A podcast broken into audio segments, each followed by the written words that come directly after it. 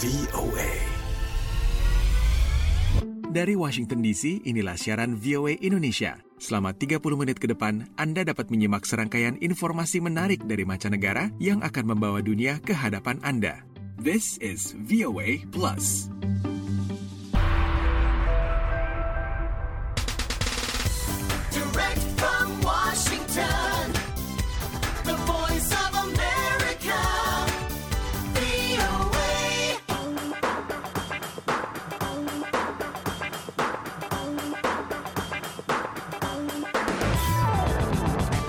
Kabar? Bersama saya Dania Iman dari VOA di Washington DC. Seperti biasa dalam kesempatan kali ini kami akan menghadirkan beragam cerita menarik seputar diaspora Indonesia di mancanegara, juga berbagai informasi terkini dari dunia gaya hidup dan juga hiburan. Maka dari itu jangan ke mana-mana, tetap bersama VOA Indonesia.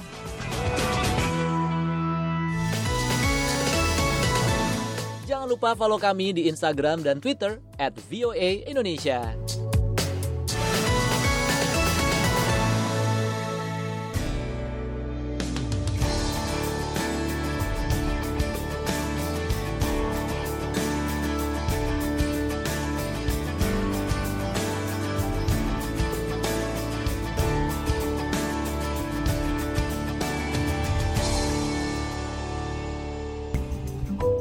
Lupa follow kami di Instagram dan Twitter at VOA Indonesia.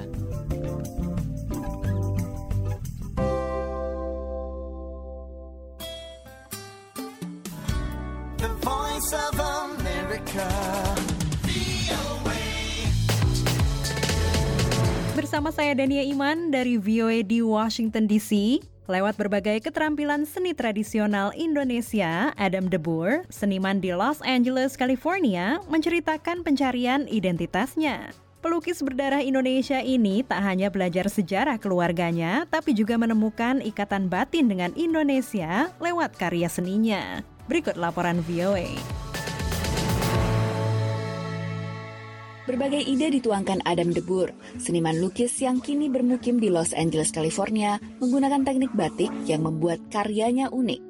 Batik is just one of the things. I mean, I learned how to ukir kulit, uh, memahat kayu. Batik hanyalah salah satunya. Saya belajar mengukir kulit, memahat kayu. Jadi ada semua tradisi kerajinan yang berbeda-beda yang saya pelajari dan yang telah saya gabungkan dengan cara yang berbeda untuk menciptakan seni. Batik bukan hanya sekedar teknik seni yang ia pelajari, tapi juga jalan baginya untuk mengenal sejarah keluarganya yang berasal dari Indonesia. My father was born in central central Java on um, Ayah saya lahir di Jawa Tengah. Ayahnya bekerja di produksi tebu dan setelah kemerdekaan mereka pindah ke Belanda dan kemudian ke Karibia dan akhirnya di Amerika. Adam yang lahir dan besar di Amerika sebelumnya tidak begitu mengenal Indonesia. kind of by accident. I went surfing. I, went, I was invited on a surf trip to Bali. Secara tidak sengaja, saya diundang untuk mengunjungi Bali untuk berselancar di sana pada tahun 2010 dan hal itu mengubah segalanya bagi saya. Sejak itu, ia mengeksplorasi seni, budaya, dan keseharian warga Indonesia, termasuk ketika ia mendapat beasiswa untuk melakukan riset di Indonesia pada tahun 2017. I applied with a project to study batik in South Jogja. Saya melamar proyek untuk mempelajari batik di Jogja Selatan yang adalah lingkungan tradisional. Jadi saya berafiliasi dengan ISI Jogja. Jadi saya berada di dunia seni dan saya kira apa yang saya pelajari telah membantu saya memahami Nusantara jauh lebih banyak bahwa saya sebagai orang campuran dan bagaimana saya akan mempelajari semua keterampilan ini dengan cukup. Saya tidak akan pernah bisa cukup mengenal semua ini. Karya Adam dipamerkan di sejumlah galeri seni di Indonesia, Eropa, dan Amerika Serikat. Adam is a very special and unique artist. Adam um, adalah seniman yang sangat istimewa dan unik, baik dalam pengetahuannya yang mendalam dan apresiasinya terhadap sejarah seni rupa barat dan lukisan cat minyak, tetapi juga dalam pengalamannya dengan bentuk dan teknik yang khas Indonesia. Pada banyak karya yang mengeksplorasi ide dan sejarah yang sangat spesifik untuk Indonesia. Jadi pemirsa yang akrab dengan materi itu memiliki lebih banyak pemahaman atau resonansi dengannya. Meski tinggal puluhan ribu kilometer dari Indonesia dan harus mempelajari sendiri riwayat budaya, Adam bangga dengan darah Indonesianya. This guy named Amir something, and he just asked me point blank, like, "So, do you think you're Indonesian?" Ketika ada orang bernama Amir bertanya kepada saya tanpa basa-basi, "Menurut Anda, apakah Anda orang Indonesia?" Saya terhenyak dan pasti akan malu mengatakan ya pada masa lalu, tapi sekarang benar saya orang Indonesia. Mengapa saya harus malu? Saya senang, saya orang Indonesia, ayah saya lahir di Indonesia, dan saya pernah tinggal di sana. Selama hidup saya, saya selalu memikirkan tempat itu dan bagaimana saya punya hubungan dengan sejarah itu. Maksud saya, darah dan lanskap itu semua ada dalam DNA saya. Dari Los Angeles, California, Rere Wahyudi dan Virginia Gunawan, VOA.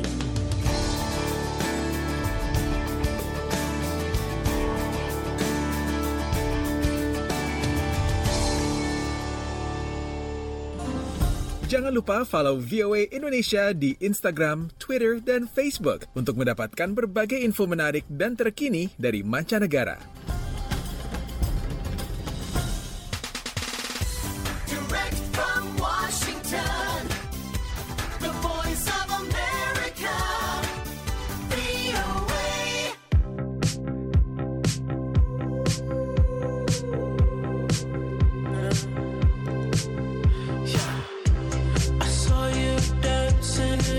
You look so happy when I'm not with you.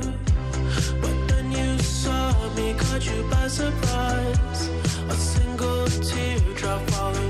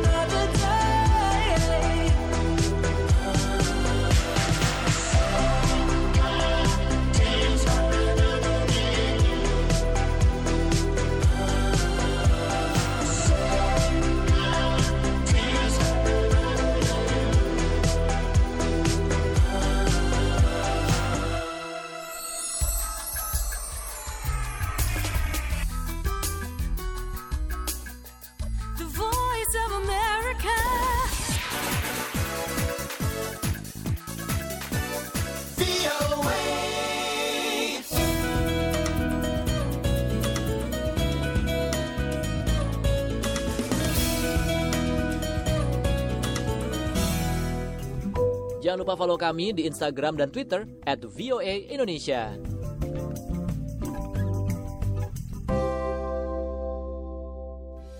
Di bawah tanah, bergerak perlahan melewati berlapis batuan dan lapisan batuan di bawah permukaan tanah yang mengandung air, aquifer. Air tanah selalu ada bersama kita. Ini adalah sumber utama air minum bagi separuh dunia dan sumber air untuk mengairi tanaman palawija. Sekarang ini, air tanah menghadapi masalah.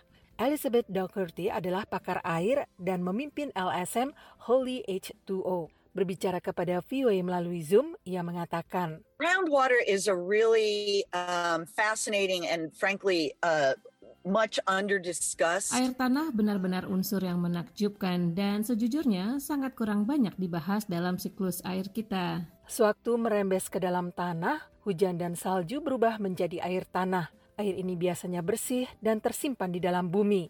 Air tanah dapat menjadi sumber cadangan air selama musim kemarau saat danau dan sungai mengering. Josue Medin Azuara adalah pakar air di University of California, Merced. Kepada VOA melalui Zoom, ia mengatakan, So groundwater is kind of the buffer uh, for many uh, irrigation. Jadi air tanah adalah semacam penyangga bagi banyak tempat irigasi di dunia untuk menggantikan air permukaan yang hilang selama musim kemarau. Para aktivis lingkungan prihatin akifer air tanah terbesar di dunia terkuras lebih cepat daripada terisi kembali dan ini dapat menyebabkan masalah lainnya. Dougherty menambahkan, so that the ground starts to uh, deplete or or sink. Tanah mulai menipis atau tenggelam dan Anda tidak dapat mengisi kembali itu, seperti Anda tidak dapat memompa kembali air sepenuhnya. Anda kehilangan kapasitas penyimpanan air tersebut. Air tanah juga terancam oleh polusi dan salah kelola. Medin Azuara dari University of California Merced mengemukakan, And in many cases, the contamination that we see Dan dalam banyak kasus, pencemaran yang kita lihat pada air tanah merupakan produk dari berbagai hal yang terjadi beberapa dekade sebelumnya. para aktivis lingkungan hidup menyatakan orang-orang harus bertanya dari mana air mereka berasal dan mendesak para pejabat terpilih mereka untuk memasukkan manajemen air dalam penetapan kebijakan untuk pertumbuhan pada masa depan. Kimberly Shonek adalah manajer proyek Sungai Verde untuk The Nature Conservancy di Arizona. Katanya kepada VOA, We need to make sure we're looking at the whole system. Kita perlu memastikan bahwa kita melihat pada keseluruhan sistem dan bukan satu bagian saja. dengan populasi dunia diperkirakan akan terus berkembang, para pakar menyatakan bahwa pemahaman yang lebih baik dan pengelolaan air tanah di planet bumi mungkin penting sekali bagi kelangsungan hidup kita pada masa mendatang. Demikian info kali ini, Utami Husin, VOA Washington. Kunjungi website kami di www.voaindonesia.com.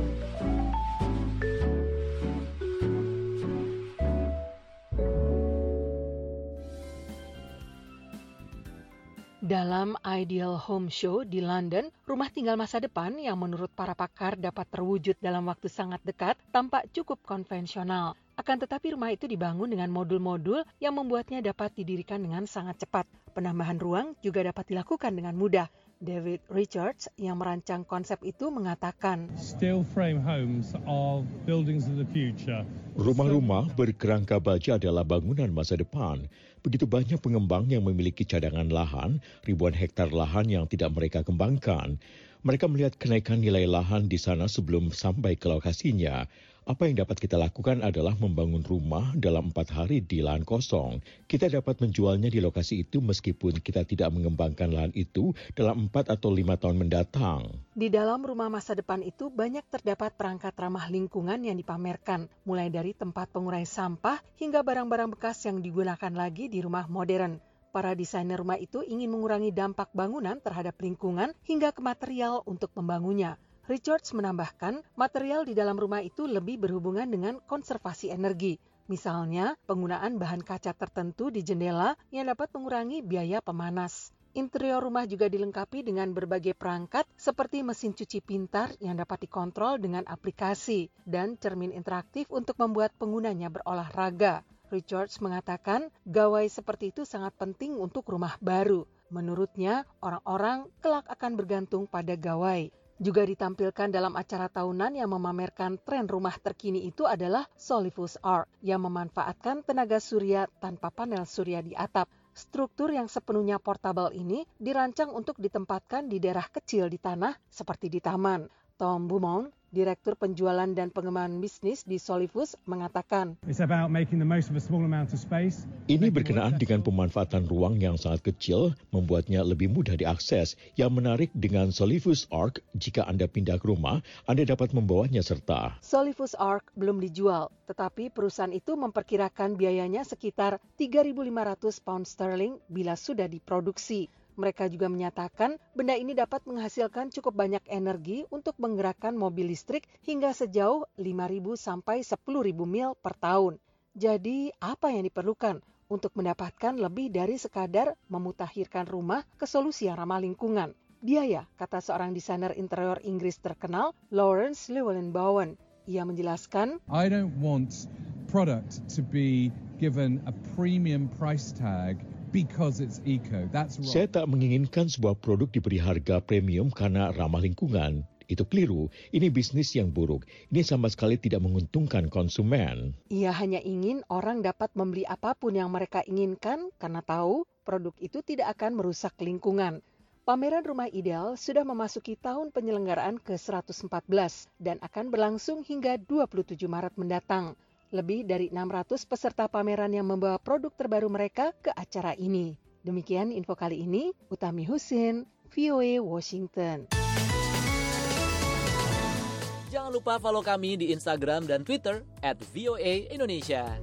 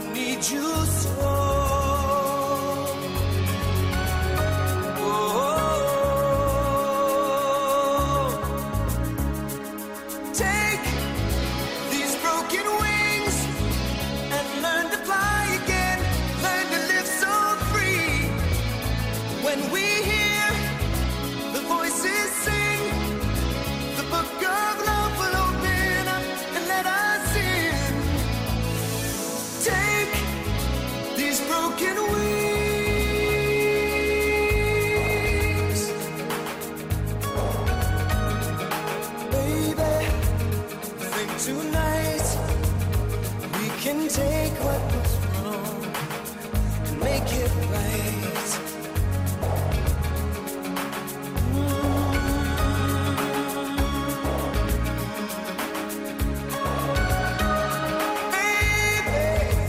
That's all I know. That you're half of the flesh and blood that makes me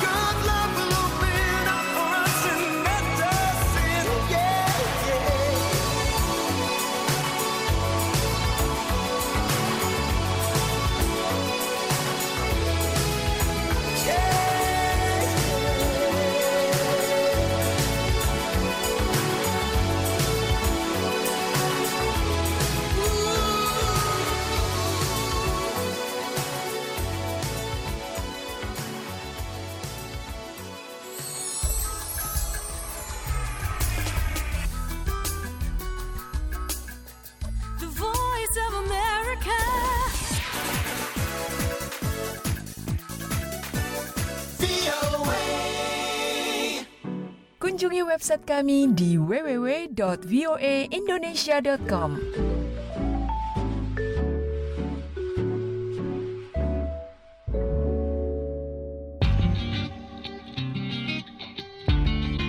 Bersama saya Dania Iman dari VOA di Washington DC, Badan Perlindungan Lingkungan Hidup Amerika Serikat atau EPA menyatakan sektor pertanian mengeluarkan 10% emisi gas rumah kaca di Amerika Serikat. Tetapi beberapa petani di perkotaan di Amerika Serikat berperan dalam mengurangi salah satu faktor yang mengakibatkan pemanasan global tersebut. Berikut laporan VOA.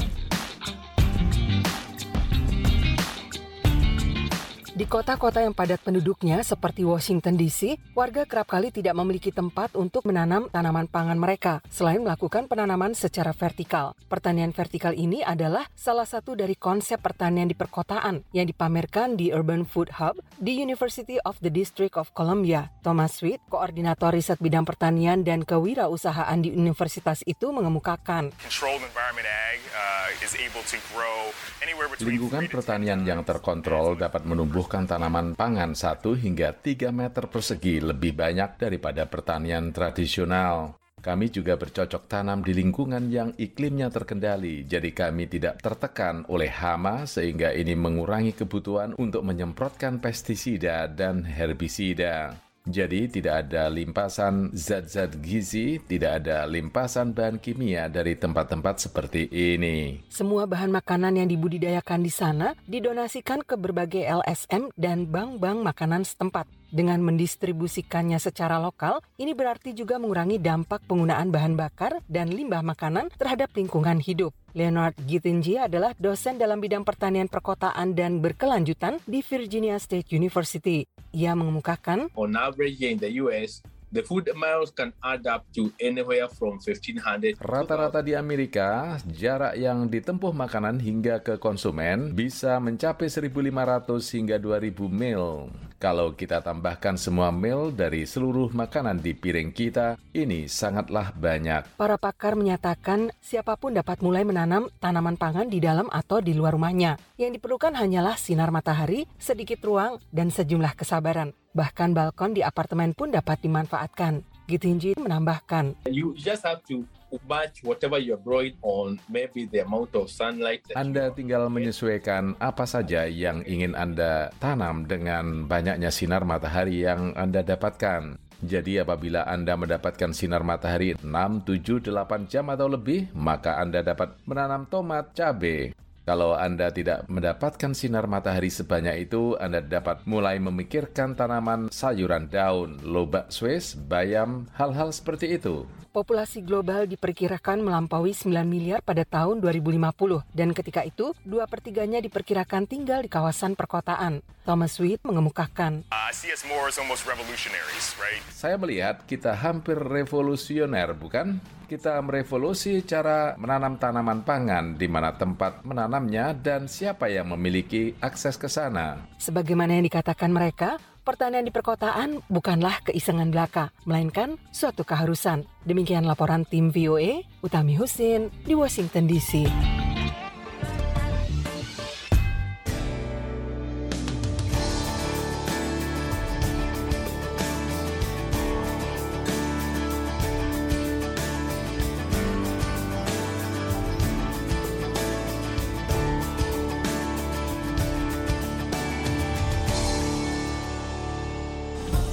Lupa follow VOA Indonesia di Instagram, Twitter, dan Facebook untuk mendapatkan berbagai info menarik dan terkini dari mancanegara.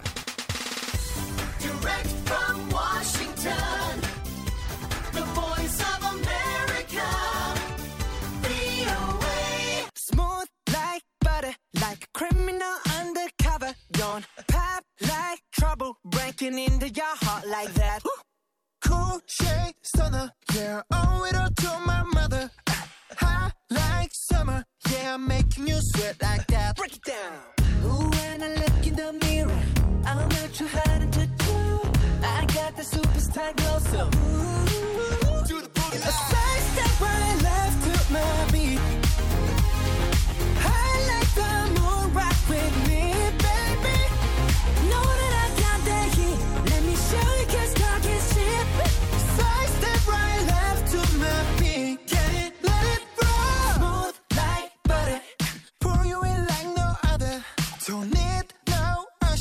remind me you got it bad. Ain't no other that can sweep you up like a rubber. Straight up, I gotcha.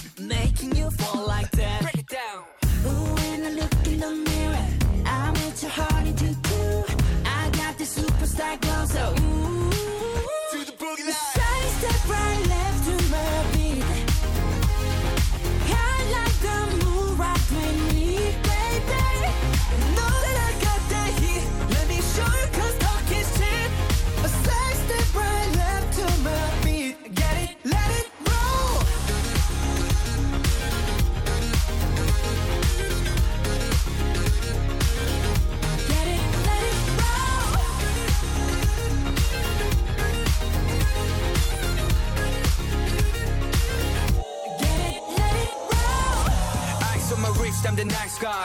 Got the right body and the right mind. Rolling up the party, got the right vibes. Move like haters. Fresh boy, pull up and we lay low. All the players get moving with the bass low. Got army right behind us when we say so. Let's go.